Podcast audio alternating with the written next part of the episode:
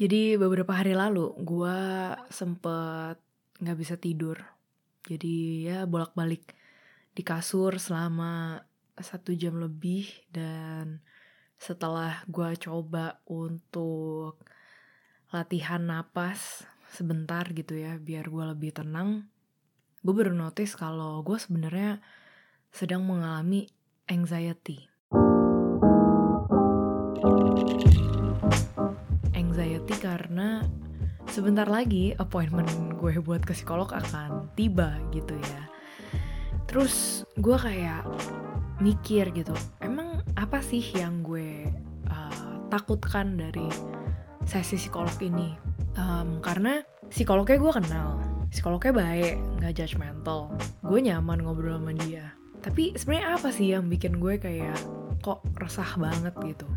Setelah gue ngobrol lebih dalam lagi sama diri gue di tengah subuh itu, um, gue baru ingat bahwa PR-PR atau topik yang akan dibahas di sesi psikolog berikutnya tuh berat. Satu yaitu tentang memori apa yang sangat jelas kamu ingat di masa kecil kamu gitu. Yang mungkin ada impactnya setelah kamu udah gede. Terus yang kedua dia mau ngebahas apakah gue mau punya anak dan kalau enggak tuh kenapa. Terus yang ketiga tuh ngebahas tentang role play gue sama bokap. Ini tuh sesinya kayak di mana kita berandai-andai di sesi itu lagi ada bokap gue dan kalau di situ ada bokap gue, gue mau ngomong apa gitu. Iya gimana ya, gue udah cerita banyak sih tentang apa yang terjadi sama gue dan bokap dan lu kalau mau denger silahkan cari aja lah di episode yang udah pernah gue bahas soal keluarga atau tulisan-tulisan gue tentang orang tua dan putus hubungan sama bokap gitu. Cuma gara-gara ini gue jadi mikir gitu begitu banyak asumsi tentang minta bantuan profesional yang terjadi di sekitar kita. Salah satunya adalah asumsi kalau kita ke psikolog tuh hidup kita akan lebih baik.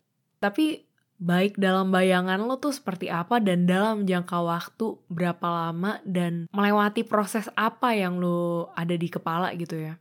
Karena banyak orang termasuk gua itu lupa gitu bahwa prosesnya itu jarang terjadi dalam waktu yang singkat dan biasanya suffer banget gitu. Suffer dalam artian kayak lu bayangin lo lagi coba untuk melihat ke dalam diri lu sendiri for the first time.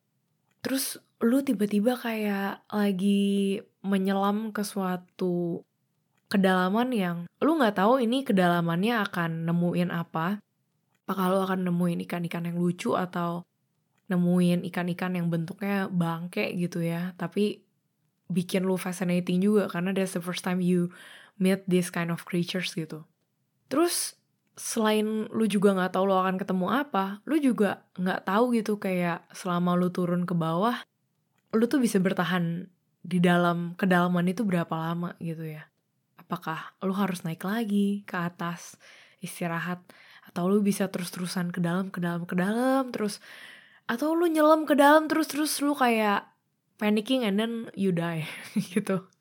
Mungkin buat orang-orang yang nyelam pasti paham sih maksud gue kayak apa gitu ya tapi talking about proses untuk melihat ke dalam diri sendiri menurut gue itu yang susah sih di unknown gitu dan apakah ketika lo udah memutuskan untuk akhirnya meminta bantuan profesional, apakah lo bisa komitmen untuk menjaga kesehatan mental lo dalam jangka waktu yang panjang dengan effort yang konsisten juga gitu, yang reguler. Dan ada continuous homework atau progress yang lo serta psikolog lo tuh sama-sama cari gitu. Dan kalau misalnya ada stigma bahwa lo kalau ke psikolog tuh dianggap gila ya emang emang semua orang kayak gila sih Indian karena ya mungkin emang memang nggak tahu apa yang sedang kita lakukan kita semua Indian nggak bener-bener tahu diri kita tuh siapa apa yang selama ini udah terjadi ke kita dan lebih tepatnya kita nggak pernah tahu gitu dampak apa atau damage apa yang kita pendam selama kita hidup. Dari sini gue jadi belajar juga ya bahwa dulu gue tuh ke psikolog mikir gue harus ke psikolog biar gue bisa make sure gue punya relationship yang bagus sama suami gue sama teman-teman gue. Jadi kayak ujung-ujungnya selalu gue ngelakuin in purpose untuk dianggap baik gitu sama orang lain. Emang niatnya baik sih tapi itu melelahkan juga sih. Karena menurut gue the moment lu betul-betul tahu the other side of yourself termasuk uh, side yang paling gelap menurut gue untuk kita berani ngeliat sisi itu aja kalau hanya dalam waktu beberapa jam di sesi itu itu tuh udah rewarding enough gitu buat diri lo lo nggak perlu ada tanggung jawab lagi di luar setelah itu untuk kayak put more pressure ke diri lo bahwa wah habis ini gue harus menjadi orang yang lebih baik lebih bermakna di relationship gue di marriage gue di pertemanan gue karena untuk bikin semua relationship itu berjalan dengan baik, ya tugasnya bukan cuma dari satu orang pergi ke psikolog doang. Nggak ada, woi, hubungan yang berhasil hanya karena satu orang berani melihat ke dalam diri dia sendiri dan menjalani proses itu gitu. Terus yang lain cuma ngongkong kaki itu kayak, oh ya lu pergi ke psikolog, oh ya lu udah refleks diri lo ya bagus deh gitu. Enggak, ya semuanya juga harus making that homework gitu untuk punya proses ngeliat ke dalam diri lo sendiri.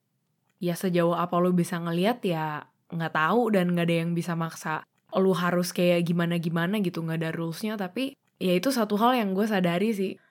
Gue mesti belajar untuk take it easy for myself gitu. Kayak journey pergi ke sekolah kali ini tuh bukan untuk gue keluar dari sini dan harus make sure bahwa uh, marriage gue akan works family gue akan works karena gue pergi ya. Gue cuma bisa kasih ini ke diri gue sendiri doang. And I think that's enough gitu. That's enough kalau gue udah ada waktu 2 sampai tiga jam untuk berani melihat apa yang belum pernah gue lihat dari diri gue gitu ya. Baik itu sisi tergelap ataupun terterang yang gue punya.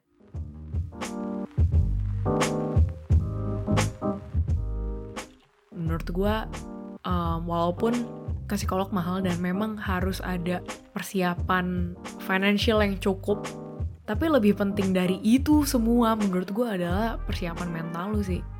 Dan niat lu tuh in the first place buat ke sana untuk apa? Semoga untuk kalian yang mendengarkan episode ini bisa punya insight lebih tentang mental health. Dan wish me luck untuk gue yang akan menjalani appointment psikolog 3 di tanggal 3 April nanti sebelum gue pergi ke Melbourne. Karena gue akan ada trip ke Melbourne dari tanggal 5 sampai 13 jadi kayaknya gue bakal nangis-nangisnya di pesawat aja deh. Oke okay, kalau gitu bye